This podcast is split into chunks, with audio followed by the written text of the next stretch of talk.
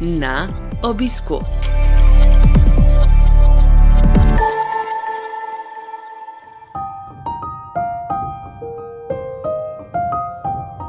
Dobrodošli v novi epizodi serije podkastov na obisku, ki nastaja v produkciji Slovenskega združenja bolnikov z limfomom in leukemijo.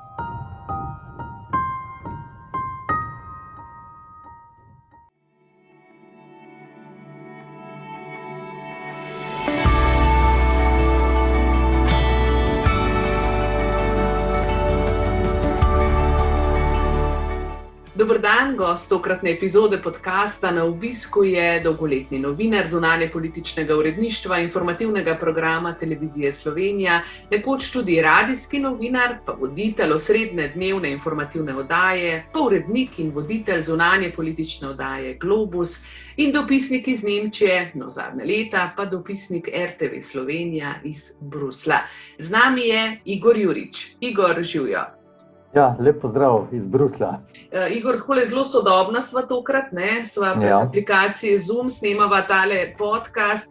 Najprej, kako si se prvado na, na tele, mi dva se tikava, ker se poznava že dolga leta. Tako. Kako si se prvado na to novodobno tehnologijo, komunikacijo, čeprav kot dopisnik, verjetno si vse podobne reči že prej uporabljal? Ja, če po pravici povem, niti ne. Uh, pred uh, koronavirusom, seveda občasno, ne, ko, uh, če rečem, ne, v sili hudič muhe žre, uh, smo se seveda tudi, ampak res redko, kdaj poslužili to vrstnih metod dela, drugače pa je bilo to seveda vedno snemanje, tako rekoč, uživo, se pravi, iz oči v oči. Jasno, ne, s, s podajavom pandemije pa je to žal ali pa na srečo, kako se to vzame. To, ta oblika novinarskega dela doživela nesluten razmah, bi temu lahko rekel. Ne? In šele zdaj, v teh zadnjih uh, mesecih, morda nekje dobrega pol leta, vsaj zdaj govorim tukaj to bruselsko izkušnjo, ne? se počasi vračamo na ta, recimo, stari način dela, se pravi, da, da so spet uh, novinarske konference ali pa tukaj so recimo precej običajna zadeva, pogovori. Uh, kot se reče, v ozadju, se pravi, da dobimo novinari informacije, eh, ki pa jih seveda potem ne smeš navajati, eh, vira, ki si jih dobil. Skratka, informacije ki, ali pa pogovori, ki ti osvetlijo neko uh, tematiko, da lažje vse skupaj spremljaš. Ne? In to je bilo še recimo leto dni nazaj, dejansko samo preko Zuma ali neke podobne uh, uh, elektronske aplikacije. Zdaj se to, kot rečeno, v zadnjih mesecih počasi vrača. Eh, je pa tako, ne, če povem po pravici, glede na to, da smo se na začetku, seveda, bili vsi šokirani s to vrstnim načinom dela, ne, ker za novinarja je bistvo to, da človeka vidiš, da z njim govoriš iz oči v oči. Ne. In če, če smo bili na začetku morda nad tem šokirani, smo se potem s časoma, ne, se mi zdi, rahlo polenili. Ne. In tudi zdaj, ko imaš, in tudi zdaj, ko imaš recimo, možnost, da bi šel na novinarsko konferenco ali pa na kak to vrstni eh, pogovor v ozadju, ne, razmišljaš, da bi šel ali ne bi šel, ker če greš, moraš iti v mesto, pa na metro, pa z avtobusom in podobno, ne, se pravi, izgubljaš čas. In če ga prihraniš v tistem času, lahko že marsikaj drugega narediš. Ne. Tako da se mi zdi, da zdaj novinari to nekako. Eh, jemljemo od uh, dogodka do dogodka različno. Ne? Da se sproti odločaš, ali boš šel tja fizično, ali pa boš recimo ostal doma in naredil pogovor, tako kot ga recimo delava mi dva. To je zlasti seveda izrazito pri novinarjih, ki so časopisni novinari, radijski tudi. Ne? Za televizijske novinarje, recimo, in, ne, ker moram delati tudi za televizijo, je pa to seveda bistveno teže. Ne. Tako da, kadar je treba zdaj v teh zadnjih mesecih delati uh, prispevek za uh, našo televizijo, uh, jasno, če nima sogovornik nič proti, potem je to spet ta klasični intervju, pogovor, klasično srečanje iz oči v oči. Mhm. Sploh se mi zdi, Igor, pri novinarskem delu, recimo ti off-the-record pogovori, ki si jih omenil, ne? tukaj pa je že treba imeti ta stik, ne? da se gledaš, da se nekako čutiš tudi v svoji prisotnosti, se doživiš kot človeka, ko želiš uh, vzpostaviti neko zaupanje najbrž. Ne? To pa gre težko preko zuma. Ja, absolutno. Uh, vse je, recimo, te, bom rekel, uh, ena na ena, ne, uh, pogovore uh, off the record, ne, seveda to jasno ne funkcionira preko Zuma.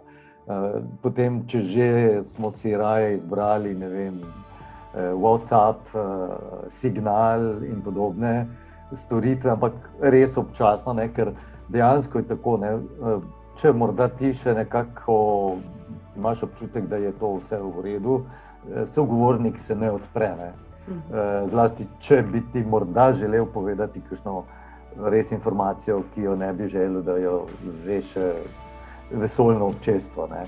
Uh, ampak, seveda, tukaj obstajajo v Bruslju tudi ti off-the-record pogovori za množico novinarjev naenkrat. Recimo, če se Evropska komisija odloči, uh, no, recimo, Če vzamem zadnji primer, taksonomija, ta razopita beseda, zdaj mislim, da jo je veliko ljudi spoznalo. Ne?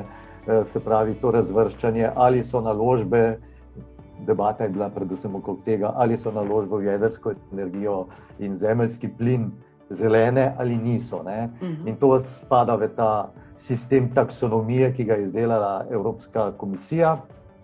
In seveda, eh, oni predno predstavijo neko tako uh, strategijo ali karkoli se tem, ali pa predlog neke direktive in podobno, ne, potem oni pripravijo ta tako imenovani tehnični briefing. briefing. Se pravi, mhm. je off the record, seveda ne. Informacije lahko uporabiš pri svojem delu, ne smeš pa navajati vira informacij. Ne? Ampak, recimo, tak off the record briefing, ne, tehnični briefing, uh, temu prisostuje, ne vem, 150, 220 ljudi ne, uh -huh. preko Zuma.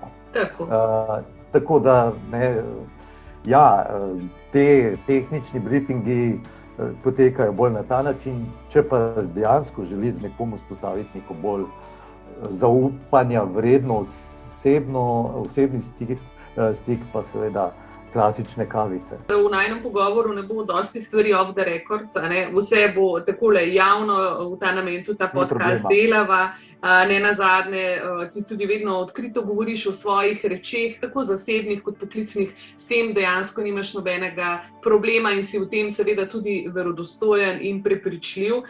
Tisti del off the record bom samo delila, ko smo danes tale najn podcast zmenek organizirala, si rekel, da je malo kasneje, ker bom šel še teč. Ne? Zdaj me zanima, si odtekal in potem zbuja slabo vesti našim poslušalcem ali še ne. No, trenutno ti še ni treba imeti uh, slabe vesti, uh, ker sem se impulzivno uh, zjutraj odločil, da ne grem več pred tem pogovorom, ampak po pogovoru. Uh, razlog je bil pa danes, uh, dokaj mislim, da za širšo javnost razumljiv. Uh, sonce, V Bruslu v zadnjih tednih nismo prav vajeni sonca, in danes zjutraj se je pa videlo, da bo sonce, in zjutraj je bilo dve stopinji, nad ničlo samo. In eh, seveda pričakujem, da ko bo mi dva končala pogovor tam okrog 11-12, ko eh, računam, da bom šel teč, eh, bo vsaj par stopinj več, verjetno gledal sem na termometru, napoved vremensko ne bi bilo tam 6-7 stopinj pa če si je sonček, je potem še kakšna stopinja več in je to veliko bolj prijeten tek, kot pa recimo pri dveh stopinjah. Tako da to je bil danes razlog za nekoliko kasnejši tek. Super. Igor, koliko maratonov je za tabo? Vemo, da si navdušen tekač, tečeš že odkar te sama, recimo, poznam, pravzaprav ne vem, kdaj nisi tekel. Zanima me, koliko maratonov si otekel in kateri bo najljubši tebi, najlepši. Um, Ja, samih klasičnih, pravih maratonov niti ni bilo prav veliko, mislim, da je tam 5-6, eh, če se ne motim. Uh, v mojem tekaškem življenju ne, prevladujejo predvsem polmaratoni, to pa nimam pojma, koliko jih je. Ne. Jih nisi štel. Mhm. Ne, že če štejem samo tiste, na katerih sem uradno bil prijavljen, se pravi, da greš tekmovati. Uh, nekaj deset, ne, ne vem, 30, 40, kaj takšnega. medtem ko pa jih je bilo vseh skupaj gotovo več, ne? ker ko treniraš za maraton, je 21 km, ne, pol maraton, del treninga, sestavni del treninga. Ne.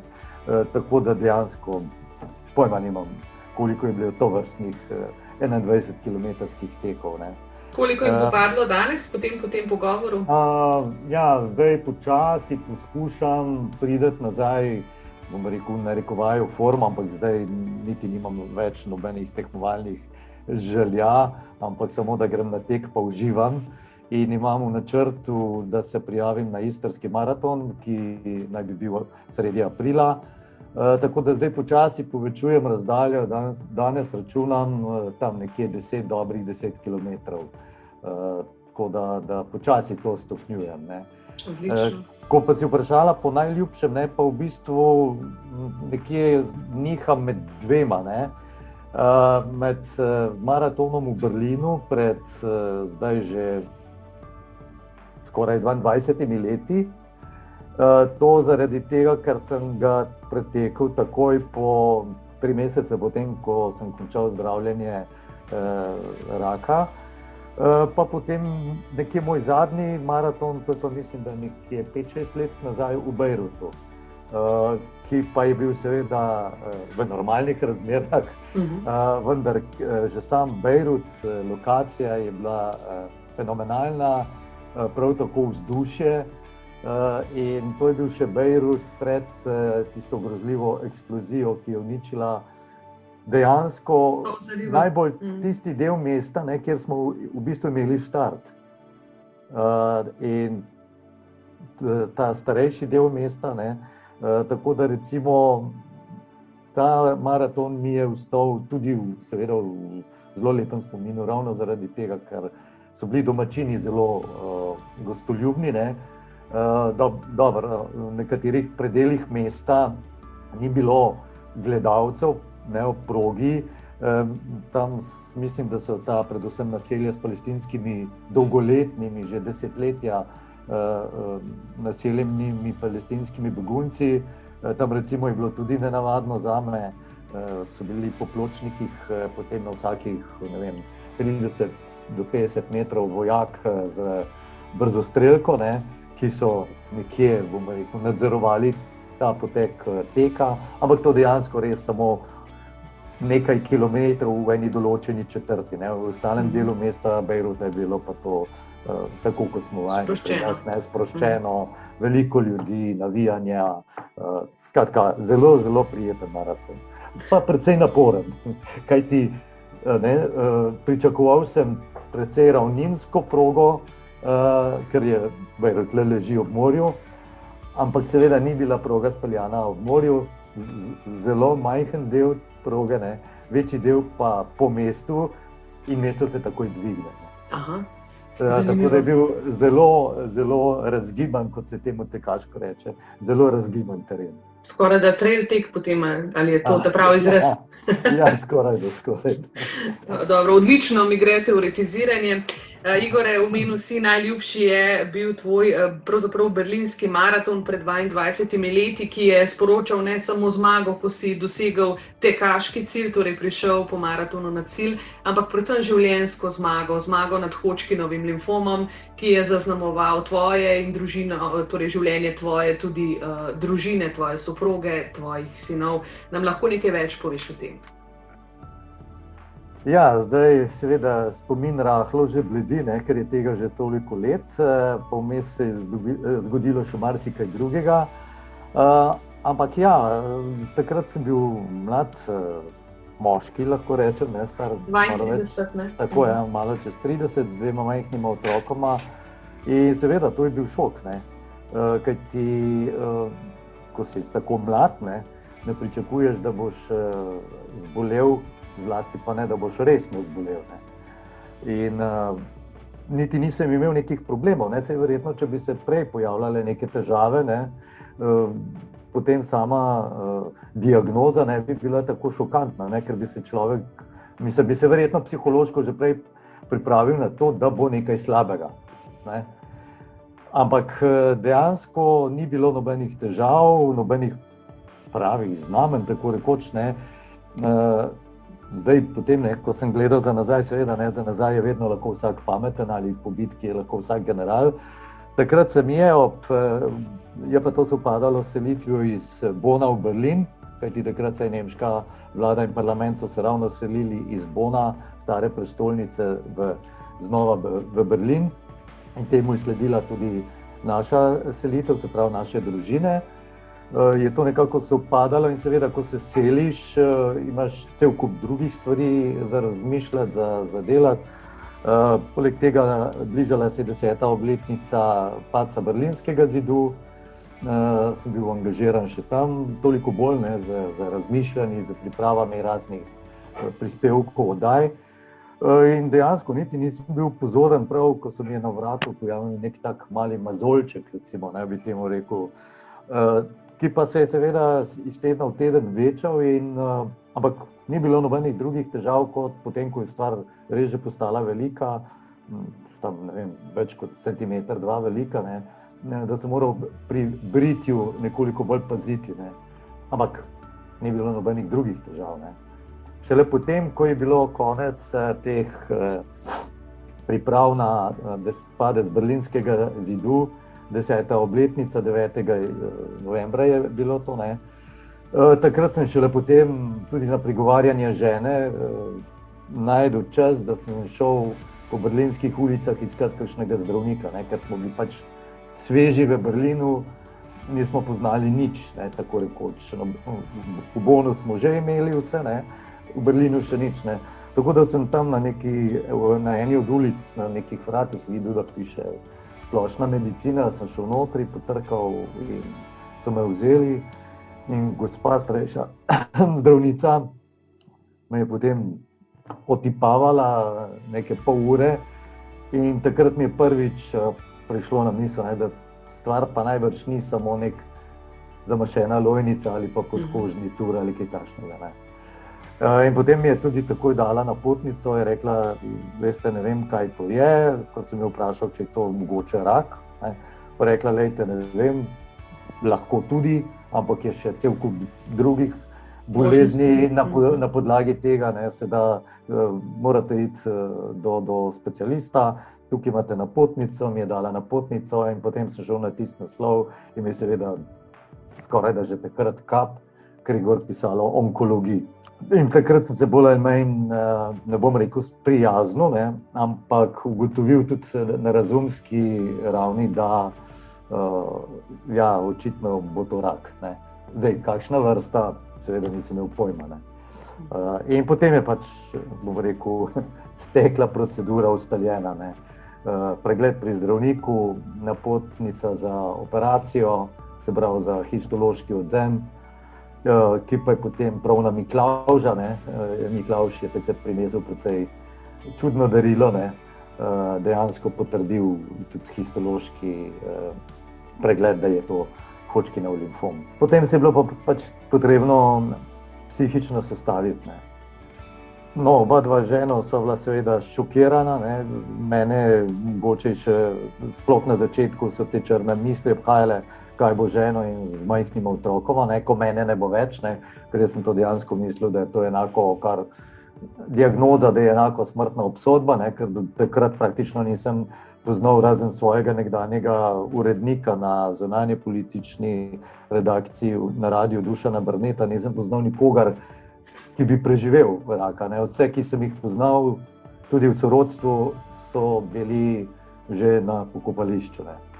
Tako da po teh uh, prvih, uh, prvem šoku, ne, črnih mislih na začetku, pri naj obeh, ne, uh, je potem pa relativno dokaj hitro prišlo do tega, da smo se nekako psihično sestavljali, postavljali na noge. V precejšnji meri je zasluga bila to tudi enega od diplomatov takratnih na slovenskem veleposlaništvu, ker kot sem prej rekel, ne, Miklaus je prinesel dokončno diagnozo. Bili so pa že pred nami božično-novoletni prazniki in smo imeli uh, pač pri veleposlaniku takratnem uh, slovenskem večerjo. In je ta diplomat uh, dejansko poskrbel za tako sproščeno vzdušje, ne, uh, ker mi dva prej smo sploh razmišljali, če bi šla na ta večer. Ne. na to večerjo, glede na situacijo. Pa so se odločila. In potem nama ni bilo žal, ne, ker mislim, da so se po dveh, treh tednih prvič spet sprostila, uh, nasmejala do sovs. Ne, če so bile prej mogoče sovze zaradi skrbi in šoka, so bile zdaj to sovze smeha. Ne. In dejansko od uh, tiste večerje potem naprej so nekako oba dva rekla, pa dobro, da je pa bo, kar bo, kar nam je namenjeno usvojeno bo. Ne. Zdravniki so mi obljubljali že takoj, seveda, ne, da me bojo, se, glede na diagnozo, ki je bila, da sem še v začetni fazi, eh, da me bodo pozdravili. Ne. Jaz jim tega sicer nisem verjel, priznam, ker sem rekel, da ja, ja, je to ker vejo, da sem mlad, pa imam dva majhna otroka, ne, pa me zdaj to lažijo. Ampak eh, potem, no, potem eh, novoletni, božično-novoletni večerji so pa stvari začele iti nekako navzgor, zlasti mislim, psihološko v prvi fazi. Ne. Potem z januarjem, pa seveda, ko se je začelo tudi uh, zdravljenje, nisem imel nekih težav, resnejših. Ne. Sicer po vsaki kemoterapiji sem običajno ne tri do štiri dni potreboval, da sem prišel nekako k sebi, ne, mm. ker sem bil precej utrujen, slabo mi je bilo.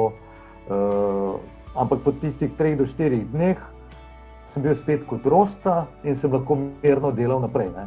Tako da v bistvu mi ni bilo treba iti v bolniško, in psihološko je to mi pomenilo ogromno, ker sem se pač počutil, da sem normalen. Ne.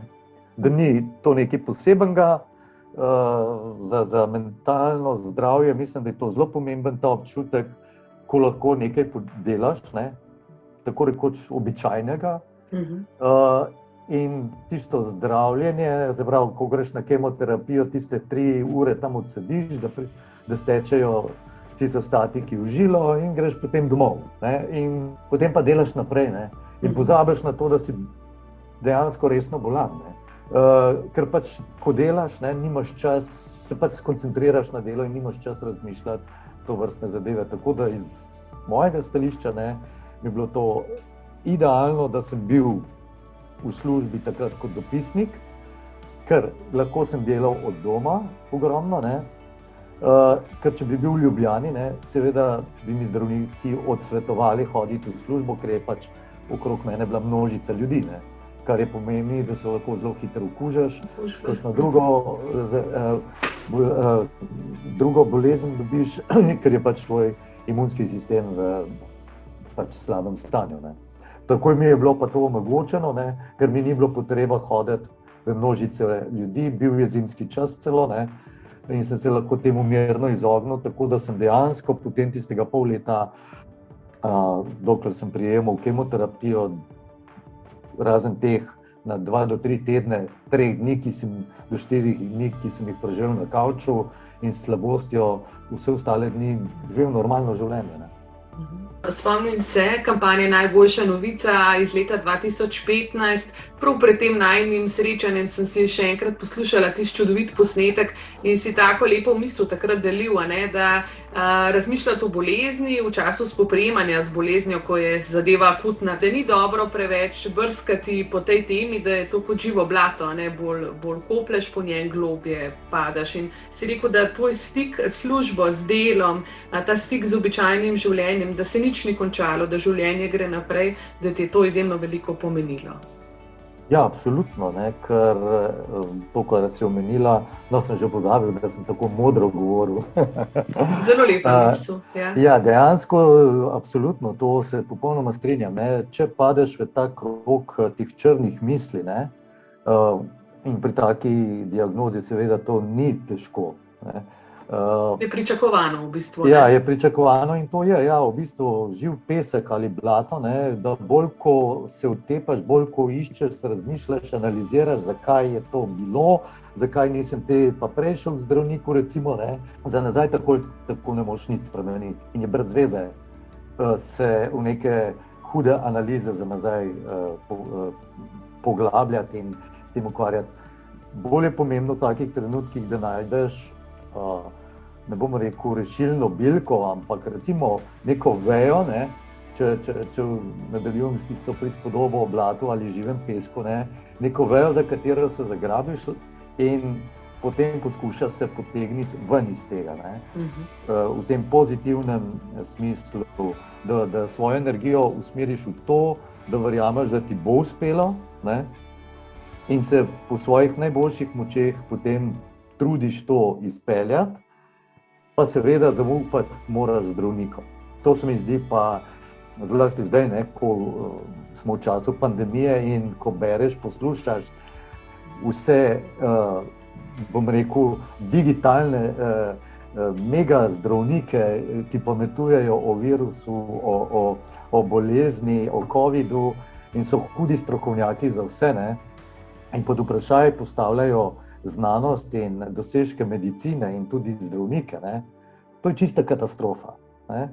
Ker še nisem videl, da bi recimo kdo šel, ko se mu pokvari avto, k vodovodarju in ga, in ga prosil, da naj mu popravi avto, čeprav ima vodovodar popolnoma ali pa precej podobno urodje v kavčku kot mehanik. Ne? Mhm. Zdaj, za zdravnike so pa vsi nenadoma izredno pametni in govorijo, da jim ni za zaupati, da so vem, te teorije zarod, pa da so vsi neki lobisti. Ne, če zdravniku ne zaupaš v takem primeru, take bolezni, recimo kot je bila v tem primeru moja, ne, uh, si že veliko izgubil. Se pravi, mora biti zaupanje v zdravnika, v medicino, pa seveda moraš tudi sam uložiti to pozitivno energijo v boj z, v spopad z boleznijo. Dobro. Uh, Igor, zelo zanimivo se mi je zdelo, že eno sta se zelo načrtno, ne načrtno, ampak razumsko lotila uh, tega in zdravljenja, in skratka okrevanja. Uh, ti si se poskušal, kolikor je bilo mogoče, ne mudoma vračati v običajno življenje, v tem stiku z delom in tako naprej. Uh, zanimivo, zanimivo se mi je pa zdelo, da so tvoji starši za to diagnozo zvedeli šele čez leta, da si jim želel to prihraniti.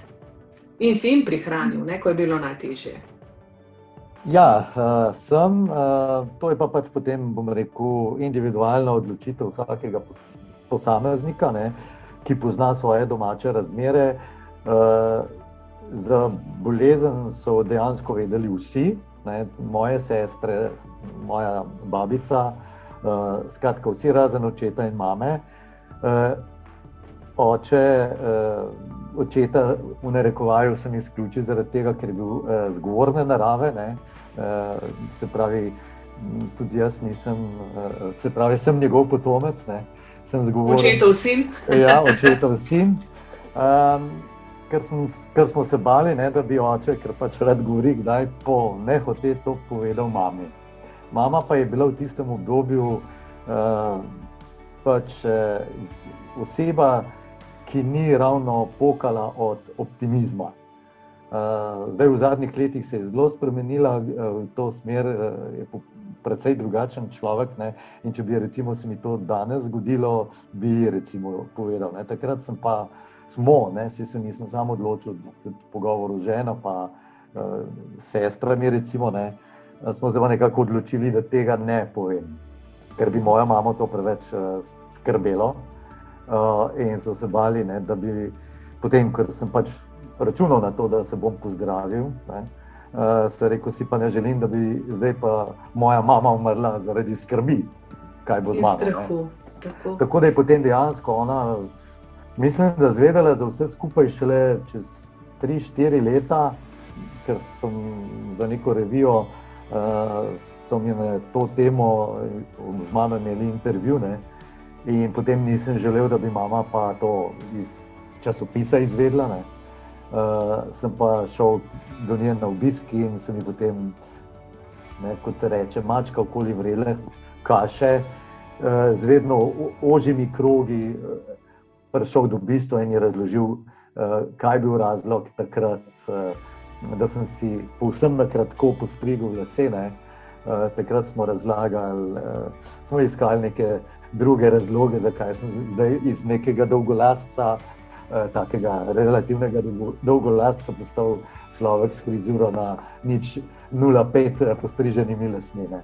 Igor, Tako. zdaj je seveda s humorjem, ki je sploh značilen za te in to vedrino. In, uh, Eh, pravzaprav enim res pozitivnim pristopom v življenju. Vse to ljudje, ki te poznamo ali službe ali kakorkoli o tebi, seveda vemo, ampak ti ni bilo prav prikrajšano tudi v nadaljevanju, ne, ker leta 2018 si se tako s polno paro spet pripravljal za nov dopisniški mandat, tokrat v Bruslu, kjer si še danes radijski in televizijski dopisnik za televizijo oziroma radio televizijo Slovenija. In takrat je pa spet uh, bolezen druge vrste vstopila v tvoje življenje, ne povabljena.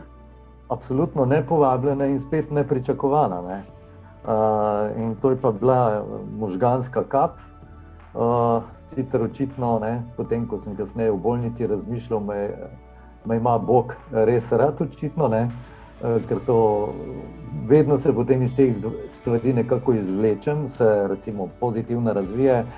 In ta možganska kap je dejansko prišla popolnoma tudi tako, kot sem prej uh, omenil, za samo Hočkin, uh, nenapovedano, brez kakšnih opozoril, lepo, tako sončno jutro je bilo, kot je zdaj le tukaj pri nas. Uh, in ko sem se, ob, imam običaj, ne, da se zdi, vsako soboto tehtam, da to spremljam v povezavi s tekom, seveda. Ne. In sem se šel tehtati. In potem, ko sem se stehtal, ne, zdaj bi kdo rekel, da ja, je kap za to, ker si videl, koliko uh, kilogramov je pokazala tehnika, ampak ni bilo to. Uh, je bil tak na začetku niti ne nek poseben občutek, ampak v tistem je potem pozvonil domofon in, in sem želel odpreti vrata ženi, ki je šla teč. In dejansko nisem znal pritisniti na gumb domofona, ampak sem začel tam nekaj predstavljati, neke svoje obleke na, na, na ograji pri stopnicah, kar sem nekako razumsko se vprašal, kaj jaz zdaj delam. Ne? Potem je še enkrat pozvonil ne? in sem se ponovno želel obrniti okrog, pa odpreti vrata ženi. Sem začel po vrata garderobne umare premikati ne? in sem bil čisto šokiran. Sam tako posebej sem razumel, kaj zdaj z mano. Ne? Mhm. Ampak to je bilo tako, nekako tak prizor bi mogoče lahko pisal, da sediš v kinodvorani in gledaš enega cepca na filmskem platnu, ki počne neke čudne zadeve. Ne. Kot da sem izven sebe in opazujem svoje čudne dejanja. Ne. In sem bil popolnoma zmeden in sem se vlegel na spalnico na, na poslu in sem bil čist šokiran. Ampak takrat so potem že eh, sinova vstala, ker sta pač slišala zvonjenje eh, še naprej od žene. In nekako sem, ker nisem več mogel normalno govoriti, ampak nekako sta le ugotovila, da, govorim, da, da ne morem govoriti. Potem je že tudi žena prišla do mene in ženi je bilo pa dokaj hitro jasno, uh, kje je tu problem, ne, kaj se dogaja, ker je dobro poznala to besedo grom. Ne, mhm. Se pravi, govor, eh, kaj je govor, ne, roka, eh, obraz, mimika, kaj so tisti klinični, prvi ali pa najbolj očitni znaki možganske kapitne.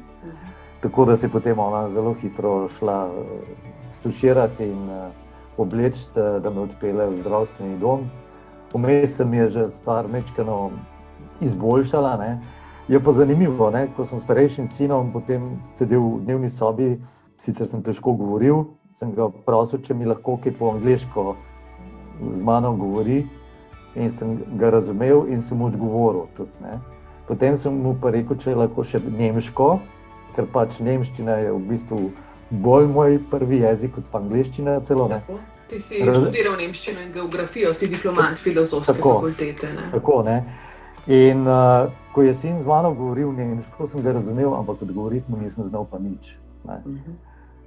Ampak potem je žena že tako odpeljala v zdravstveni dom, tam tudi ni bilo treba zelo veliko, da je dežurni zdravnik ugotovil, kaj je. Ne. In potem pač klasika, ne, vršilca v Ljubljano na nevrološko kliniko, v bolnišnici, vse tiste osnovne preiskave, ki jih morajo narediti. In tako kot že prej, ne, ko so govorili o raku, uh, je bilo tudi tukaj dokaj hitro vse potrjeno. Očitno sem imel spet srečo, ne, samo lažja, neka lažja oblika. Seveda, tiste prve dni v bolnišnici, ne, ker se je omenila, da je bilo to tik, tako rekoč, pred mojim odhodom v Bruselj To se mi je zgodilo sredi junija, jaz bi pa moral s 1. septembrom začeti začet delo dopisnika v Bruslju. Seveda, v tistih prvih dneh ne, sem bil šokiran, kaj bo zdaj z mano. Ne. Ali bom sploh še lahko novinar, ker nisem mogel govoriti normalno, desna roka, pač pisanje ni šlo. Ne. In to za novinarja, ne, da ne more normalno pisati. Pisati, to ne gre. Govoriti ne, je to katastrofa. In, uh, tiste prve dni, prvi dnevi niso bili prijetni. Uh, ampak potem se je pa stvar nekako, ker imel sem več različnih vrst reha, vaj, rehabilitacije in podobnega. Ne, uh, je bil ta napredek kar dosti hiter. Uh, tako da po 14 dneh, ko sem zapuščal bolnišnico, so me napotili v zdravilišče. Ne, so mi zdravniki rekli, da verjetno se bo stvar kar solidno popravila nazaj. Ne bolj ali manj. Da tudi to mi je bilo, recimo za mene, ker pač s tem nisem imel nobenih izkušenj, jasno, mi je bil zanimiv pogovor, ker sem imel tudi pogovore s psihologinjo, ne, pa z logopedinjo. Ker mi je recimo psihologinja razložila, ne, da pri tovrstnih poškodbah, kot je bila moja, ne, je lahko sreča, če upravljaš intelektualno delo, ki je zelo pestro. Kaj ti to pomeni, ne, da tvoji možgani morajo vedno iskati neke nove povezave. In so, in so navajeni, ne, da, da morajo vzpostavljati neke nove povezave. In, in je rekla, da verjetno ne, bodo drugi deli možganov, v mojem primeru, prevzeli vlogo poškodovanega dela. Ne. Tako neke aktivnosti na srečo so neuroplastične in se življenje spremenile. Ampak seveda, ne, predpogoj pa je to, kot sem prej rekel, da imaš srečo in da je poškodba relativno mila. Uh, in ja, potem z tem, bom rekel, trdim delom, strokovnim, strokovno pomočjo, potem tudi v zdravilišču Dobrna, sem do septembra nekako prišel po svojem občutku na tisto, kar je bilo prej. Ne? Eh, ampak predno so me v službi ponovno dali zeleno, prižgali zeleno luč za odhod v Bruselj, sem moral še enkrat na kompletne uh, uh, zdravniške preglede uh, na medicino dela. Ne? Ampak je potem tudi uh, od tam prišlo, da seveda prvič na podlagi ponovnih pregledov pri vseh nevroloških, se pravi strokovnjaki z področja nevrologije, medicine dela, sem potem dobil spričevalo, zdravstveno uh, spričevalo, da je z mano vse v redu in da grem lahko uh, za dopisnika v Bruselj. Seveda, marsikdo me je vprašal, če sem normalen, ne, da, da, da tako stresno službo po taki bolezni, pa taka stresna služba. Ne. Ampak jaz sem vsakomu odgovoril, ne, če so mi zdravniki dali prižgali zeleno luč in izdali mnenje, da ni ovir, zakaj bi jaz potem sam sebi se smilil in govoril, da ja, to pa ni za me, moram bolj, bolj paziti na sebe. Mhm. Brez veze. Sej, če ne gre, pa potem vidiš, da ne gre. Ne? Tako. Ampak se, kot si dejal, že v prvi preizkušnji v življenju, že v hoči, ki noti ravno ta stik z delom, ne, ki ga očitno zelo strastno upravljaš, na nek način ti je dal uh, možnost povratka v običajno življenje in tudi v tem. Uh, soočenju z možgansko kapjo, ti ravno to stresno intelektualno delo spet uh, omogočilo nazaj, da so možgančki svoje povezave na novo ustvarjali in da si potem čim prej ozdravel.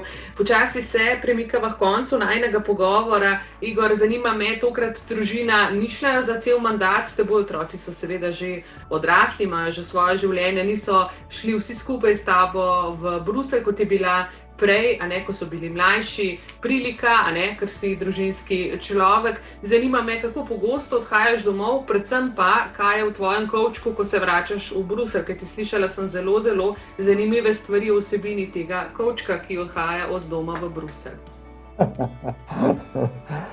no, to pa je off the record. O tem pa ne. Se ja, ne smeva. Se heca. ja, to ne, jasno. Uh, ker sem tudi ljubitelj uh, dobre hrane, ne? uh, tudi pijače, ampak vse v mejah normale, zmerno. Uh, jasno, ko se vračam iz Slovenije v Bruselj, si kakšne domače dobrote, jasno, ne sem sabo. Ne? Uh, zdaj bom rekel, malo je to sezonsko pogojeno. Čeprav recimo kakšna suha salama, uh, dobre paštetke uh, ali uh, kaj podobnega, je vedno not, v kočku, ne? v tem hladnejšem let, delu leta pa seveda kisla repa in kislo zelje. Zelje je en, en tak približek kislega, našega kislega zelja, sem sicer odkril tudi tukaj v trgovinah. Kisle repe pa žal ne, vsaj do zdaj. Uh, tako da to uh, zalogo redno obnavljam. Uh -huh. Uh, to, uh, tako da v bistvu je to poleg tekaških copat, ne, čeprav mogoče niti ne, to pa, ker imamo običajno tekaške copate tudi še v Sloveniji, nekaj stare. Ne. Tako da pravzaprav uh, res uh, običajen artikel, ki je v kočku, je kisla zelja, pa kisla repa. ker se ne morem predstavljati. Poleg suhe salame, eh, ker običajno ti letališki delavci ne, predvsej premetavajo te kočke in si ne morem predstavljati, kaj bi bilo, če bi se tvoj poškodoval, kako bi dišalo. sicer so, zdaj sem to bom, rekel, nekoliko izpopolnil ta sistem. Ne.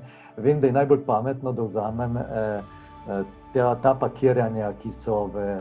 Eh, plastičnih vrečkah, ne, repe in, in uh, zelja, ne, ne v kozarcih ali v teh plastičnih uh, posodah, ja. posodah ne, ampak dejansko v tem folija uh, pakiranja. Ne.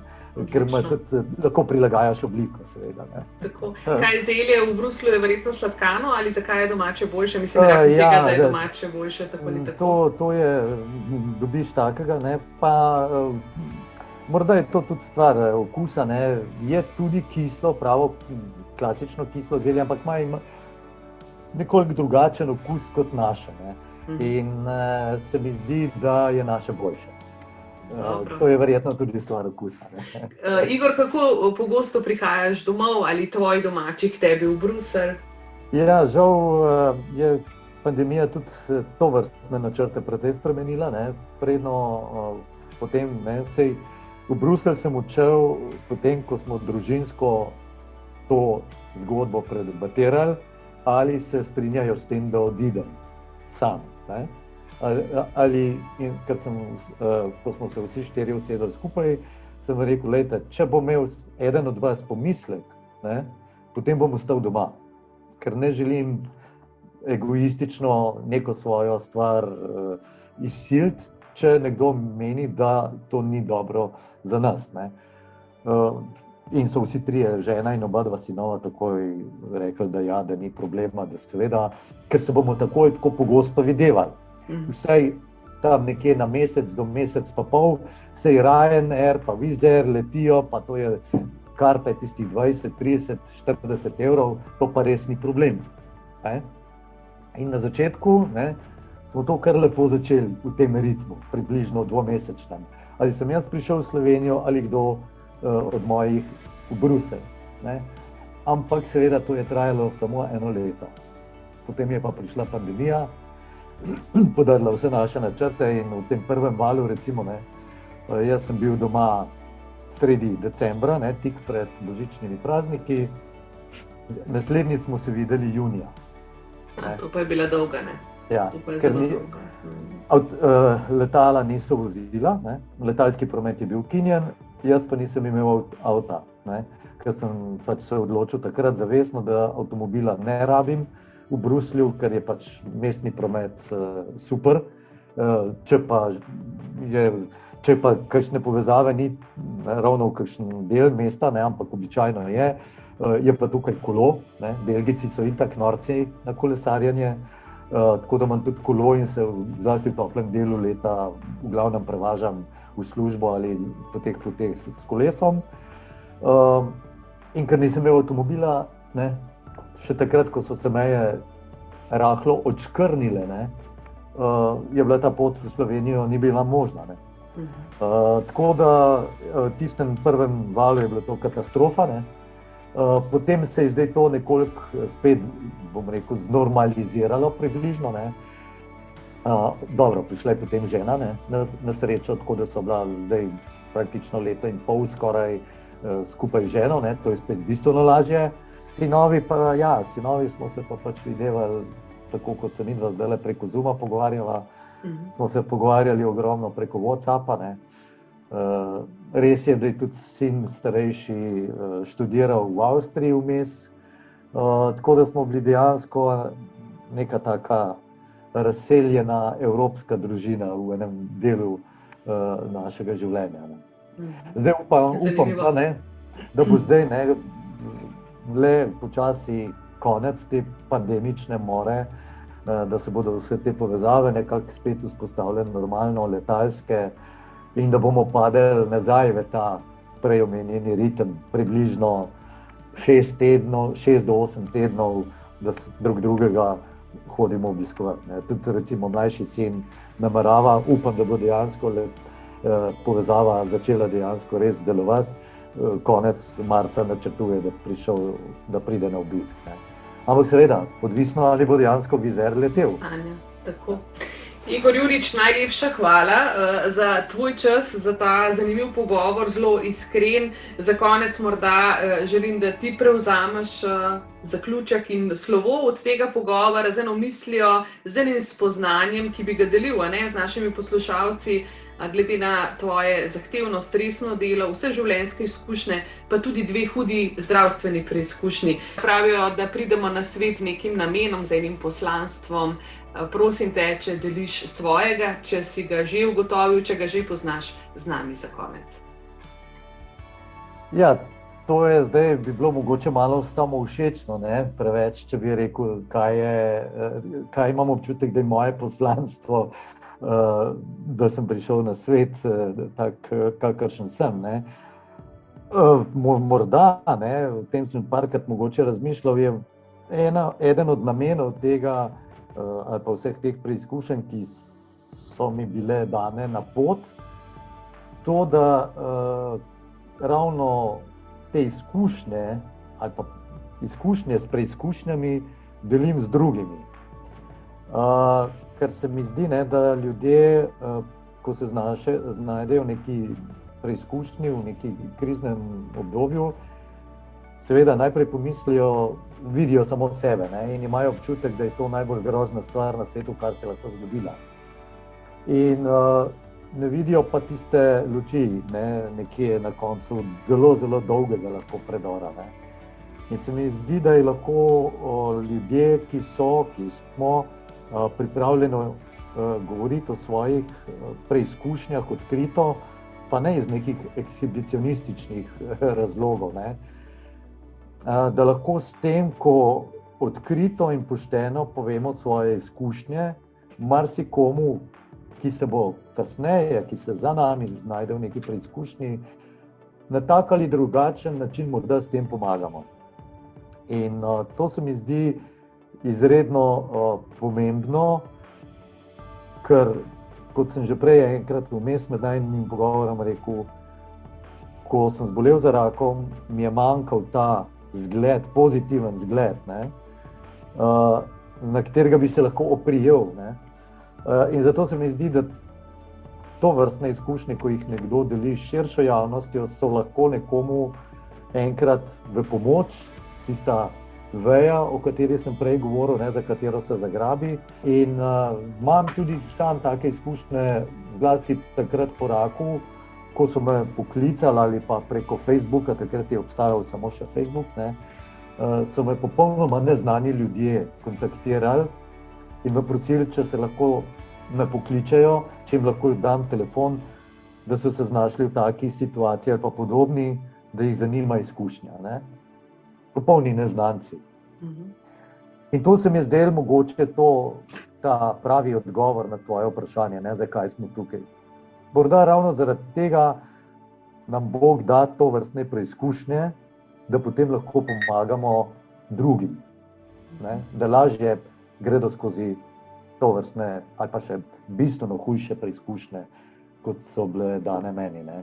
Ker ne na zadnje, če tako vzamem, moje preizkušnje so v primerjavi s preizkušnjami mnogih drugih ljudi manjši prehlad. Ne? Čeprav res pa je, ko se znajdeš v taki situaciji, pa to katastrofa ne? v tistem prvem trenutku za vsakogar od nas, ne? to vse smo vsi ljudje. Igor Jurič, najlepša hvala za tvoj čas, za te uh, bogate uh, misli, dragocene izkušnje, ki si jih z nami delil. Jaz ti želim eno uspešno delo v Bruslu in potem, ko se vrneš spet k nam domov v Slovenijo, pa ne bo manj stresno, kot je bila zadnja polovica leta, ne to predsedovanje Sloveniji svetu Evropske unije, uh, da boš tudi užival in imel čim več časa zase in uh, svojo družino. Ja, najlepša hvala in jasno, najboljše želje tebi in pa uh, tudi vsem tistim, ki bodo poslušali tale pogovor. Ne, in kot je zdaj zelo znane rekne, ostanite zdravi.